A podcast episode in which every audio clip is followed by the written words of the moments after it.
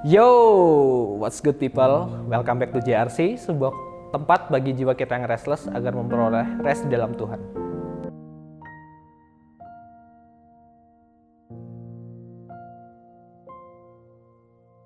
Shalom kaum muda yang ada di seluruh Indonesia.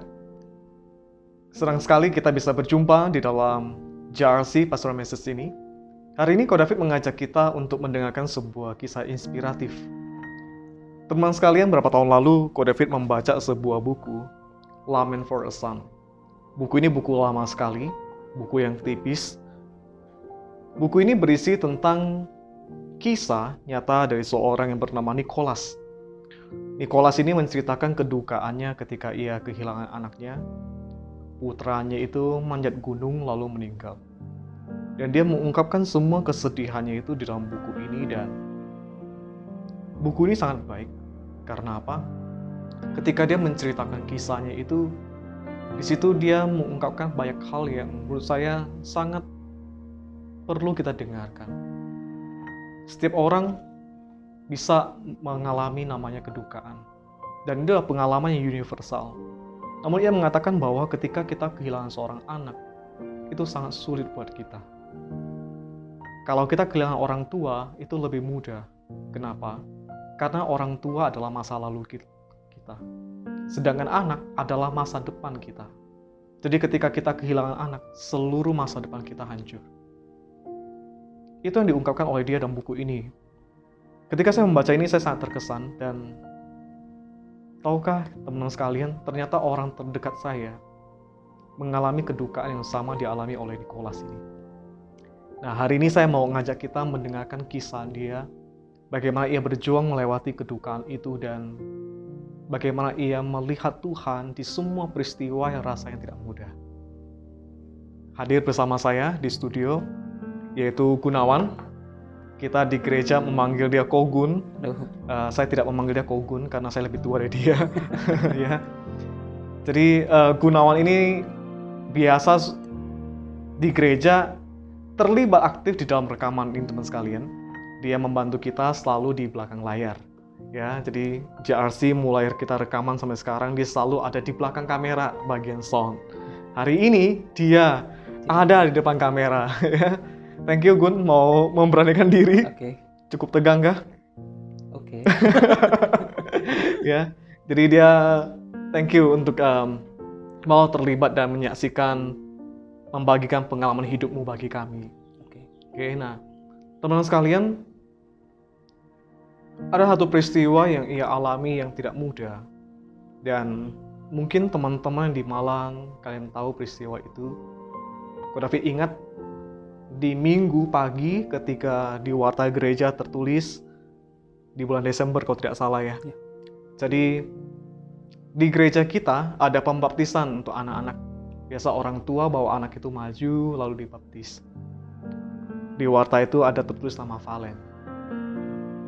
Ada satu peristiwa yang cukup mengagetkan teman sekalian ketika Lause Andrew membaca mengatakan bahwa ketika orang tua sudah naik sampai nama Valen itu berkata, Valen sudah panggil Tuhan. Saat itu jemaat begitu kaget, syok, dan tepat di hari dia dibaptis, di situ Tuhan memanggil dia pulang. Jadi ada peristiwa yang tidak mudah dilewati. Nah, hari ini saya mau ngajak Gunawan bisa menceritakan bagaimana kamu melewati semua peristiwa itu dan juga bagaimana kamu melihat Tuhan di dalam kedukaan itu. Oke. Nah, Gun, mungkin boleh menceritakan sih. Sejak awal apakah kamu dan Natalia tahu kalau si Valen itu sakit? Uh, kalau dari sejak lahir, uh, maksudnya dalam kandungan, nggak tahu. Nggak tahu ya? Nggak tahu. Tapi setelah lahir, uh, ya umur sekitar 10 hari lah, itu baru uh, baru ketahuan bahwa si Valen ini punya kelainan jantung gitu.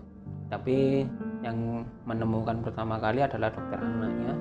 Jadi waktu itu ya kita periksa lah. Jadi kalau bayi baru berumur beberapa hari kita kebanyakan sering periksa untuk uh, apa ya mengetahui apa yang terjadi sama si bayi ini. Kalau ada misalnya uh, buang air besarnya kurang bagus kita harus tanya supaya eh, kita sendiri mendapat sebuah pengalaman bahwa ini sesuatu yang harus di apa ya maksudnya disiaringkan sama dokter. Dan kebetulan waktu saya eh, membawa anak saya untuk itu eh, saya juga dikagetkan dengan si dokter ini tiba-tiba ngomong pak ketika di stetoskop ini jantung anaknya dengarnya berbeda. Jadi dengarnya ketika kalau jantung pada umumnya adalah duk duk duk duk duk gitu ini enggak duk duk tapi ada kayak angin yang kayak seliweran gitu. Shh, shh, shh, kayak gitu. Nah saya disuruh dokternya "Eh, pak sam- eh, bapaknya coba dengarkan aja supaya bapaknya juga tahu ini sesuatu yang memang berbeda. Saya juga ikut dengarkan makanya saya juga bisa tahu bahwa itu seperti kayak angin lewat gitu dan ketika saya tahu itu saya masih ya berusaha untuk kuat untuk ah enggak apa-apa lah cobalah nanti dibawa ke dokter jantung semoga enggak, enggak terjadi masalah. Soalnya kebanyakan bayi di umur-umur sebelum satu tahun itu kebanyakan eh, jantungnya belum terbentuk sempurna kayak gitu. Jadi mungkin ada sesuatu yang lobang atau bocor itu hal yang biasa kemungkinan kecil kayak gitu saya masih dapat dapat apa ya maksudnya eh, omongan dari orang nggak apa-apa itu ada si bayi masih bisa dianu oke. Saya memberanikan diri untuk ke dokter jantung anak untuk memastikan hal itu benar. Dan ketika sudah di jantung anak itu di dokter itu dia ngomong pak eh, mohon maaf ini saya harus ngomong tapi bapak harus kuat. Intinya anak bapak ini terkena yang namanya kelainan jantung yang bernama eh, pembuluh darahnya itu terbalik. Dia ngomong gitu. Saya saya pintas eh, itu hal yang cukup mengagetkan dan baru saya tidak pernah dengar dulu-dulu ketika eh, entah teman atau siapa pun yang melahirkan tidak pernah dengar yang namanya pembuluh darah terbalik. Jadi ketika pertama dengar itu langsung kaget. Kaget dan masuk? Pemikiran saya pertama kali itu masuk Tuhan ketika membuat anakku masuk langsung eh, ada sesuatu bu itu kesalahan atau apa? Kayak gitu. Itu itu yang terjadi di pikiranku. Pembuluh darah terbalik. Wes, ya Nah, gitu. itu sesuatu yang bagiku di luar nalar. Tapi ya itu yang terjadi gitu. Itulah yang terjadi. Habis itu sama dokter diusulkan untuk Pak ini harus segera dioperasi karena kalau anaknya berumur sebelum enam bulan itu lebih baik. Jadi tidak sampai berlarut-larut. Soalnya memang kasusnya ini untuk kasus anak saya ini harus segera dioperasi supaya si anak ini bisa kembali lebih lebih baik seperti itu. Jadi sebenarnya proses yang kamu lakukan yang di situ awalnya cuma membawa mereka si Valen ini cek biasa gitu. betul. Lalu dikejutkan oleh berita seperti ini. betul. Dia waktu itu ketika kalian membawa ke dokter jantung, Valen usia berapa? Eh, waktu bawa ke dokter jantung itu usianya baru dua minggu Oh, jadi masih kecil sekali. ya ketahuan umur 10 hari di empat hari berikutnya saya bawa ke dokter jantung seperti itu. Wah, ketika mendengar itu bagaimana respon istri?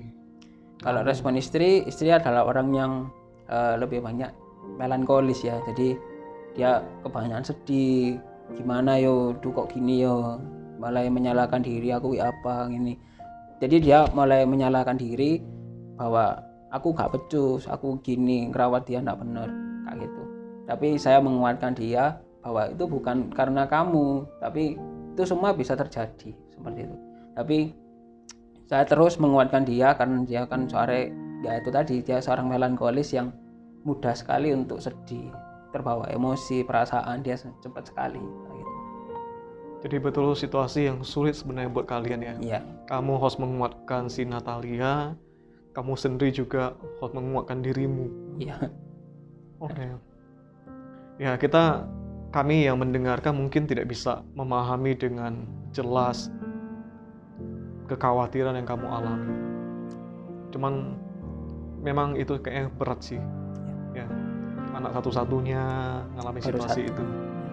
Terus selanjutnya apa yang kalian lakukan ketika dokter berkata bahwa ada kelainan pada jantung anakmu, pembuluh darah terbalik tadi ya. Lalu apa yang kalian lak- lakukan pada akhirnya sehingga memutuskan bahwa ya udah deh kita bawa anak ini berobat. Hmm. Karena si dokter tadi, si dokter jantung mengatakan untuk dioperasi, saya memberanikan diri untuk mulai searching rumah sakit-rumah sakit yang menangani kasus-kasus seperti ini. Dan ketika itu saya dapatnya di Rumah Sakit Harapan Kita Jakarta. Mereka sudah pernah menangani itu dan saya memberanikan diri di usia anak saya waktu itu umur sebulan anak saya itu sudah pergi ke Jakarta untuk melakukan eh, pemeriksaan di sana dengan alat-alat yang ya lebih baik maksudnya alat-alat yang lebih canggih supaya lebih pasti bahwa ini terkenanya seperti ini pak. Nah, gitu.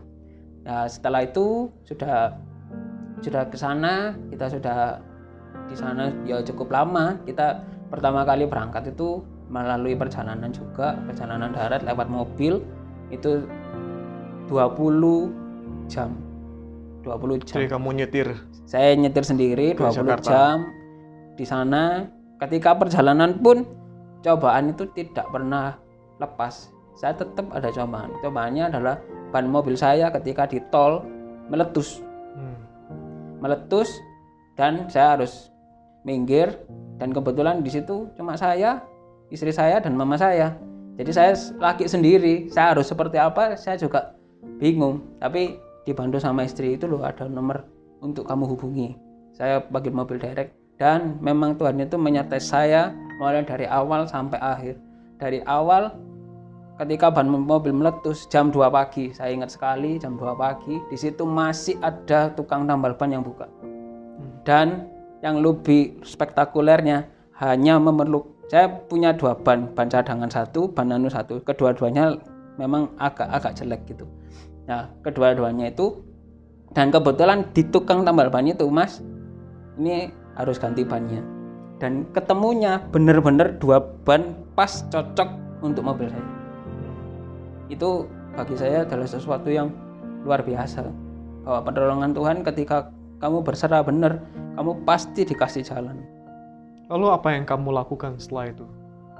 Eh, setelah itu sampai di rumah sakit saya diberi banyak pertolongan sama orang untuk mengurus BPJS-nya untuk semuanya ke dokter siapa semuanya diberi diberi tahu sama orang ini dokter yang bagus ini dokter yang memang senior untuk menangani itu oke saya ke sana dan semuanya sudah sudah apa sampai ketemu dokternya sampai di dokternya itu eh, dari dokternya pun masih kalau di situ kan memang nggak bisa langsung ya difonis ini gitu.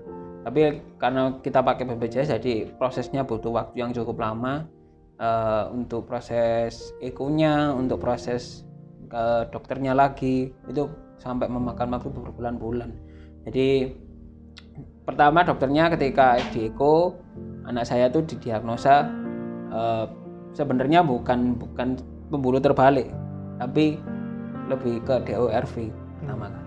Nah setelah dari DORV itu dokternya karena DORV dianggap dokternya itu sebagai kelainan jantung yang tidak terlalu emergensi. Jadi eh, untuk operasinya agak dimundurin. Jadi kita sampai nunggu lama sekitar 9 bulanan baru dipanggil lagi untuk pergi ke Jakarta. Jadi di situ saya eh, ya menjalaninya dengan ya apa ya kayak ya ya enggak ya ya eh, ya apa ya eh, aku harus pergi ke sana lagi enggak ya kayak gitu. Jadi, Jadi kamu cukup lama di Jakarta, dicek gitu ya. Lalu cukup lama. Itu yang proses pertama yang itu sudah operasi belum belum ya? belum. Cuma cek aja ya. cuma cek aja di Eko namanya Eko itu untuk seperti apa ya USG kehamilan gitu mungkin ya lebih tepatnya. Jadi di Eko untuk mengetahui bahwa ini memang harus dilakukan tindakan seperti apa itu pun masih dirundingin sama dokter-dokter yang lain harus seperti apa gitu. Jadi setelah proses itu kamu sempat balik lagi ke Malang. Lalu berapa lama lagi terus kamu ke Jakarta? untuk ke sana lagi itu 9 bulan 9 bulan saya ke sana lagi dan ketika itu eh, dokter yang menangani sama dengan Eko dieko lagi hasilnya bisa beda lagi Begitu. iya Itu lebih baik atau lebih buruk Lebih hasilnya? Hasilnya lebih jadi kejadian eh, maksudnya eko yang di Malang itu terjadi lagi di 9 bulan kemudian. Jadi pembuluh darah terbalik itu kembali lagi gitu. Jadi diagnosa yang awalnya pembuluh darah terbalik asalnya pembuluh darah terbalik DORV kembali lagi ke pembuluh darah terbalik lagi. Jadi saya agak panik loh. Itu kan katanya nih harus usia di bawah enam bulan. Dan ini sudah 9 bulan lebih kok. Belum ditangani ini nih. buruk. Jadi ada situasi yang kurang jelas itu diagnosa yang berubah. Lalu akhirnya apa yang kamu lakukan? Nah, setelah itu dari dari situ saya ya saya hanya bisa berdoa sama Tuhan gimana dan ketika itu di tahun berikutnya setahun berikutnya eh, kita dijadwalin untuk namanya kateterisasi kateterisasi itu eh, jadi kalau istilahnya itu seperti ada alat yang masuk ke dalam tubuh untuk kayak scan scan eh, apa ya organnya mungkin ya. Ah scan organnya supaya lebih akurat. Jadi keakuratannya itu 85% kayak gitu. Lebih akurat ketika itu sudah dilakukan di bulan Desember tahun depan. Jadi setahun berikutnya itu ditemukan bahwa kembali lagi kasusnya. Jadi diagnosanya kembali lagi bukan karena jantung pembuluh terbalik mak pak ini. Ini DORV Nah.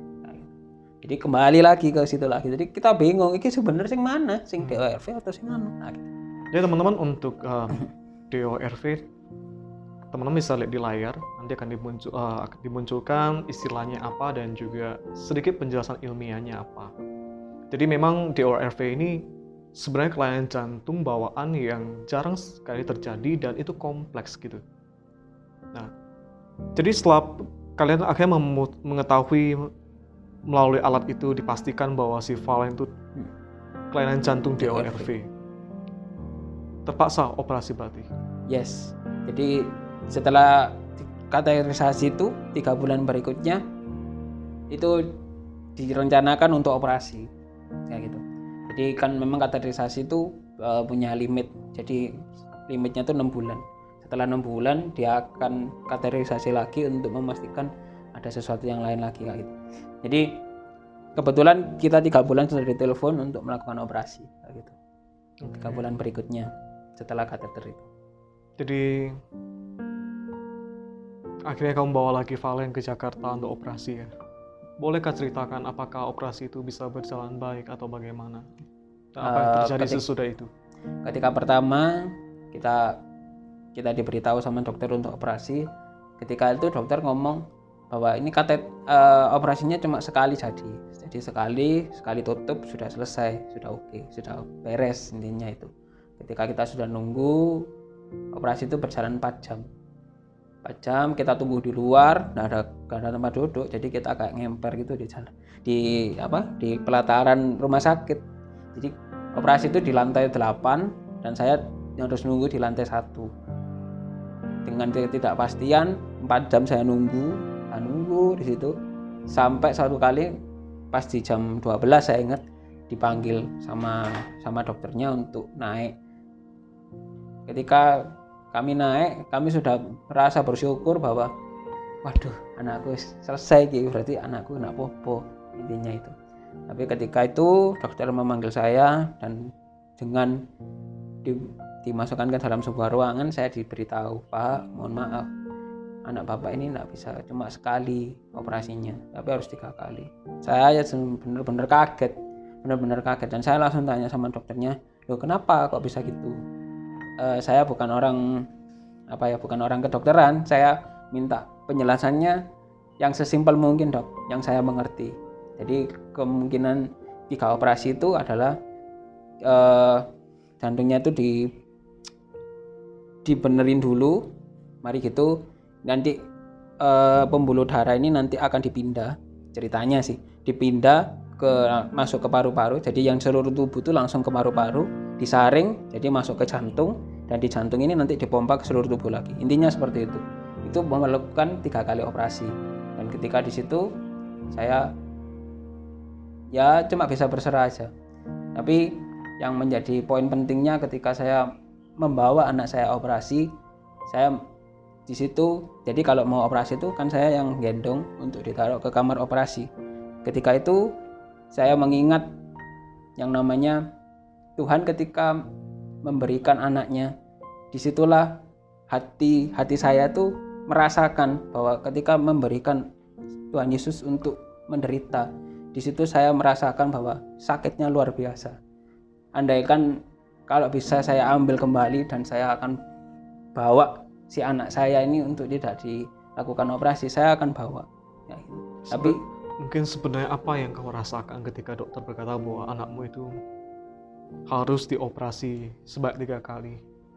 Saya perasaan apa yang kamu rasakan waktu itu ketika mendengar pernyataan itu? Saya saya orangnya orang yang mudah menerima ya. Jadi saya diberi Tuhan karunia untuk mudah menerima. Jadi ketika diberi operasi seperti itu, yang saya pikirkan adalah bagaimana saya menjelaskan kepada istri saya. Bukan bukan bukan karena operasinya tiga kali, tapi menjelaskan ke istri saya seperti apa supaya dia bisa mengerti. Intinya itu. Oke, justru itu yang kamu pikirkan ya, Iya. supaya dia juga bisa kuat dengar Betul. ini. Jadi yang saya pikirkan adalah istri saya bagaimana supaya istri saya bisa terima intinya. Mungkin ada hal menarik yang ingin mungkin juga teman-teman juga mesti tahu ya. Ketika lewati proses itu kan tiga kali ya. Ketika operasi tiga kali itu apa yang terjadi sesudah itu? Jadi Valen bisa seperti bermain seperti biasanya ke apa? eh, sebetulnya gini di operasi pertamanya eh, Valen ketika itu ketika dioperasi itu dokter itu ketika ngoperasi itu sedikit banyak itu terkadang alat atau bendanya itu menyentuh benda yang lain organ yang lain. Itu secara tidak sengaja atau bagaimana aku tidak tahu tapi penjelasannya seperti itu. Jadi secara tidak langsung secara tidak sengaja itu me- mengenai organ yang lain. Dan kebetulan si Valen ini mengenai organ diafragma paru. Jadi ketika itu di ICU sepan- se- selama satu setengah eh, satu bulanan satu bulan setengah satu bulan setengah di tiga minggu awal itu tidak ketahuan kalau diafragma parunya tuh kembang kempisnya tuh berbeda. Harusnya kan sama kalau naik atau turunnya. Ini tidak berbeda. Ah, di situ di tiga minggu pertama saya baru diberitahu bahwa ini diafragma parunya tidak benar pak. Ya harus melakukan operasi kedua di sini. Nah ketika itu ketika operasi kedua sudah terjadi ya namanya anak kecil ya nama anak kecil di ICU selama 22 jam tanpa orang tua aku rasa sih dia terkena psikologi yang cukup berat. Dan ketika itu dia setelah di ICU itu dia semakin enggak apa ya maksudnya karena psikologinya sudah sudah terganggu mungkin ya. Jadi kayak sulit sulit untuk meng, me- apa ya merecovery tubuhnya lagi. Jadi seperti kayak orang linglung. Jadi ketika setelah operasi itu dua minggu kemudian jadi satu setengah bulan itu saya anak saya ini sudah keluar dari rumah sakit seperti orang linglung. Jadi seperti orang linglung seperti orang yang ya kayak baru lahir gitu. Jadi kayak orang yang nggak tahu apa-apa gitu. Di situ saya cuma bisa ya ya wes lah ya apa. Intinya terkadang saya juga merasa sedih. Terkadang saya juga merasa ada sesuatu yang kenapa sih kok harus seperti ini intinya gitu. Tapi kadang saya bertemu dengan Gunawan, kadang kita jalan di mall. Saya melihat dia membawa anaknya yang dalam kondisi yang sakit, kaku itu saya betul sedih. Dia cukup kuat untuk lewati semua proses itu. Saya tidak tahu Tuhan berikannya kekuatan seperti apa. Bahkan yang terpikir oleh dia adalah justru menguatkan istrinya bisa menerima situasi ini ya. Kita sempat ketemu kan ya di Malang, di Ya. mall. Lalu itu op- habis itu operasi yang pertama ya. yes Lalu akhirnya ini bawa ke Jakarta lagi untuk cek.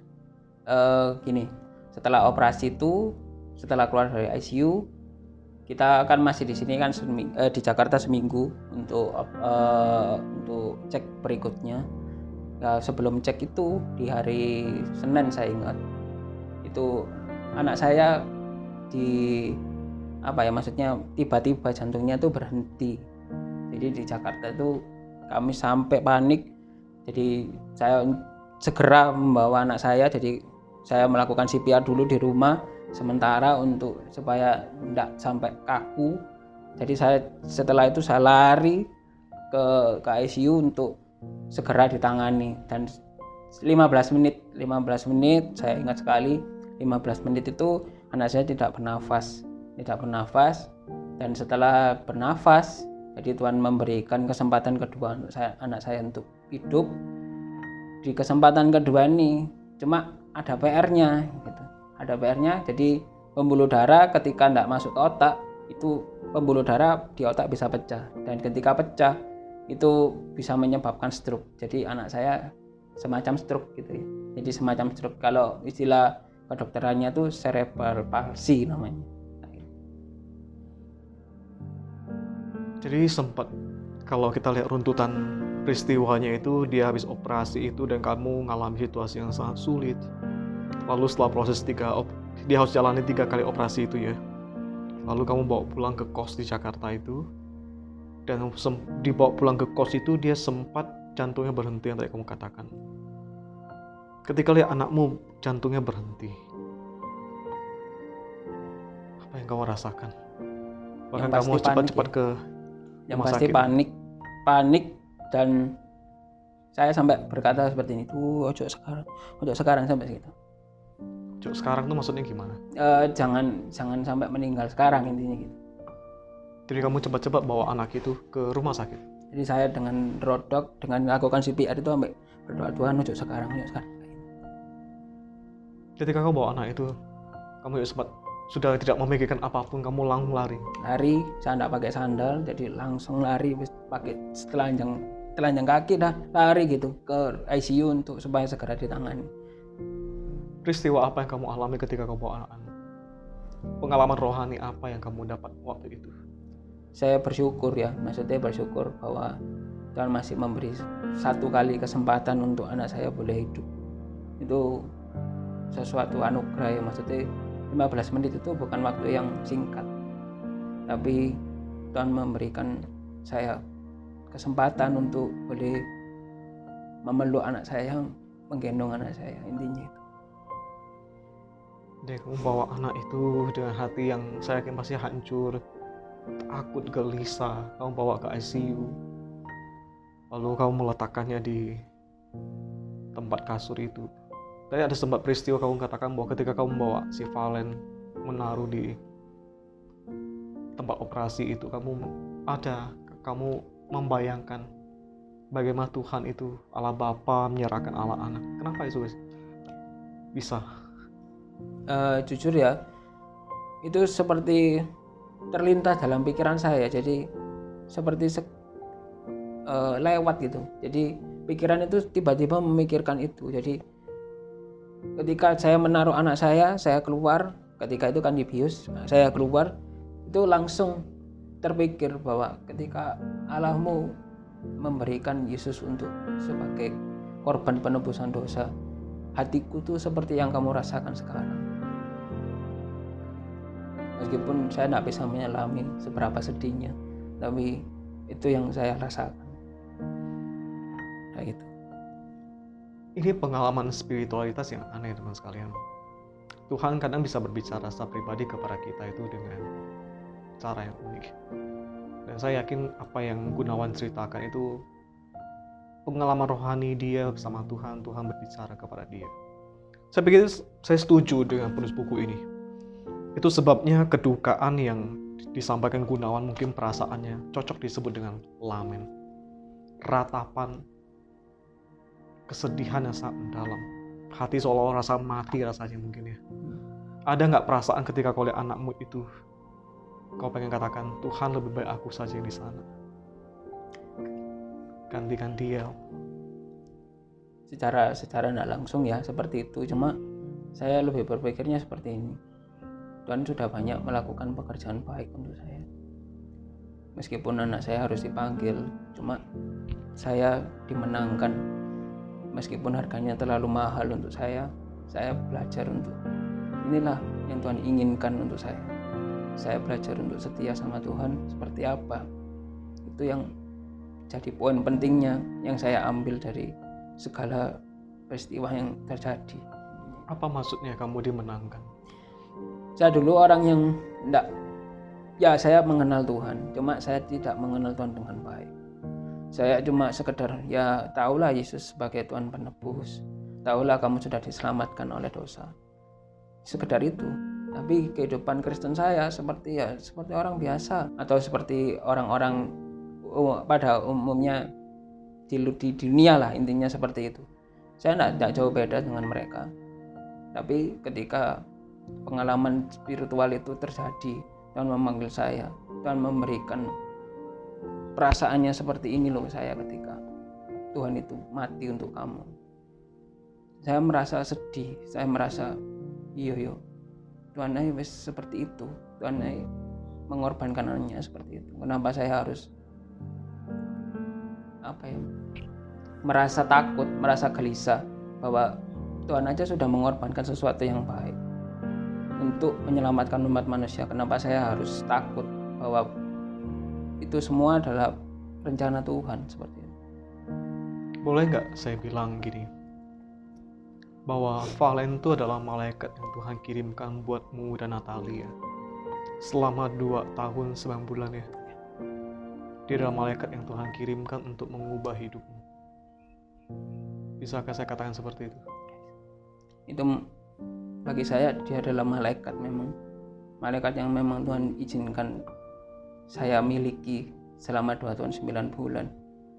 Hmm, tapi tapi itu memang pekerjaan Tuhan luar biasa dengan kelainan jantung yang mungkin bagi sebagian orang tidak menum, apa ya, memberikan pertumbuhan yang normal tapi bagi anak saya pertumbuhannya sangat luar biasa normal pintar dan dia bisa aktif tidak ada rasa capeknya sama sekali itu yang saya rasakan dan itu anugerah yang luar biasa bagi saya ini saat ini kita duduk Valen sudah berapa lama dipanggil pulang oleh Tuhan?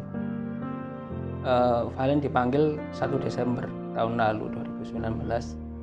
Sekarang tujuh bulan sudah memasuki tujuh bulan. Bagaimana perasaan kalian hari ini?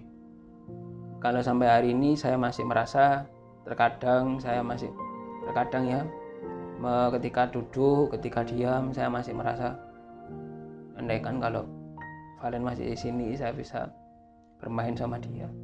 Bahkan ketika video ini mau diambil pun saya masih merasa andaikan kalau Valen di sini dia bisa main-main di sini itu yang saya rasakan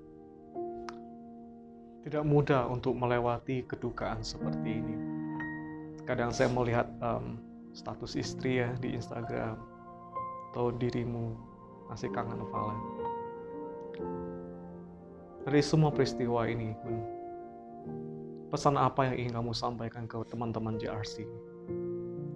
Saya ingin apa ya teman-teman JRC atau pemuda-pemuda di Indonesia mungkin ya di seluruh Indonesia atau yang melihat video ini saya ingin bahwa kalian di usia muda belajarlah untuk mengenal Tuhan dengan baik.